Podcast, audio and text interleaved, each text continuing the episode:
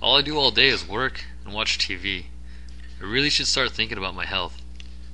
I never thought about that, but you're right. What do you think we should do? For starters, we should start doing more outdoor activities. That way we'll get some exercise. I was thinking about taking tennis lessons. I always have an hour to spare in the afternoon. What do you think about that? It's not a bad idea. How much is it? I heard it is only about $120 a month for eight lessons.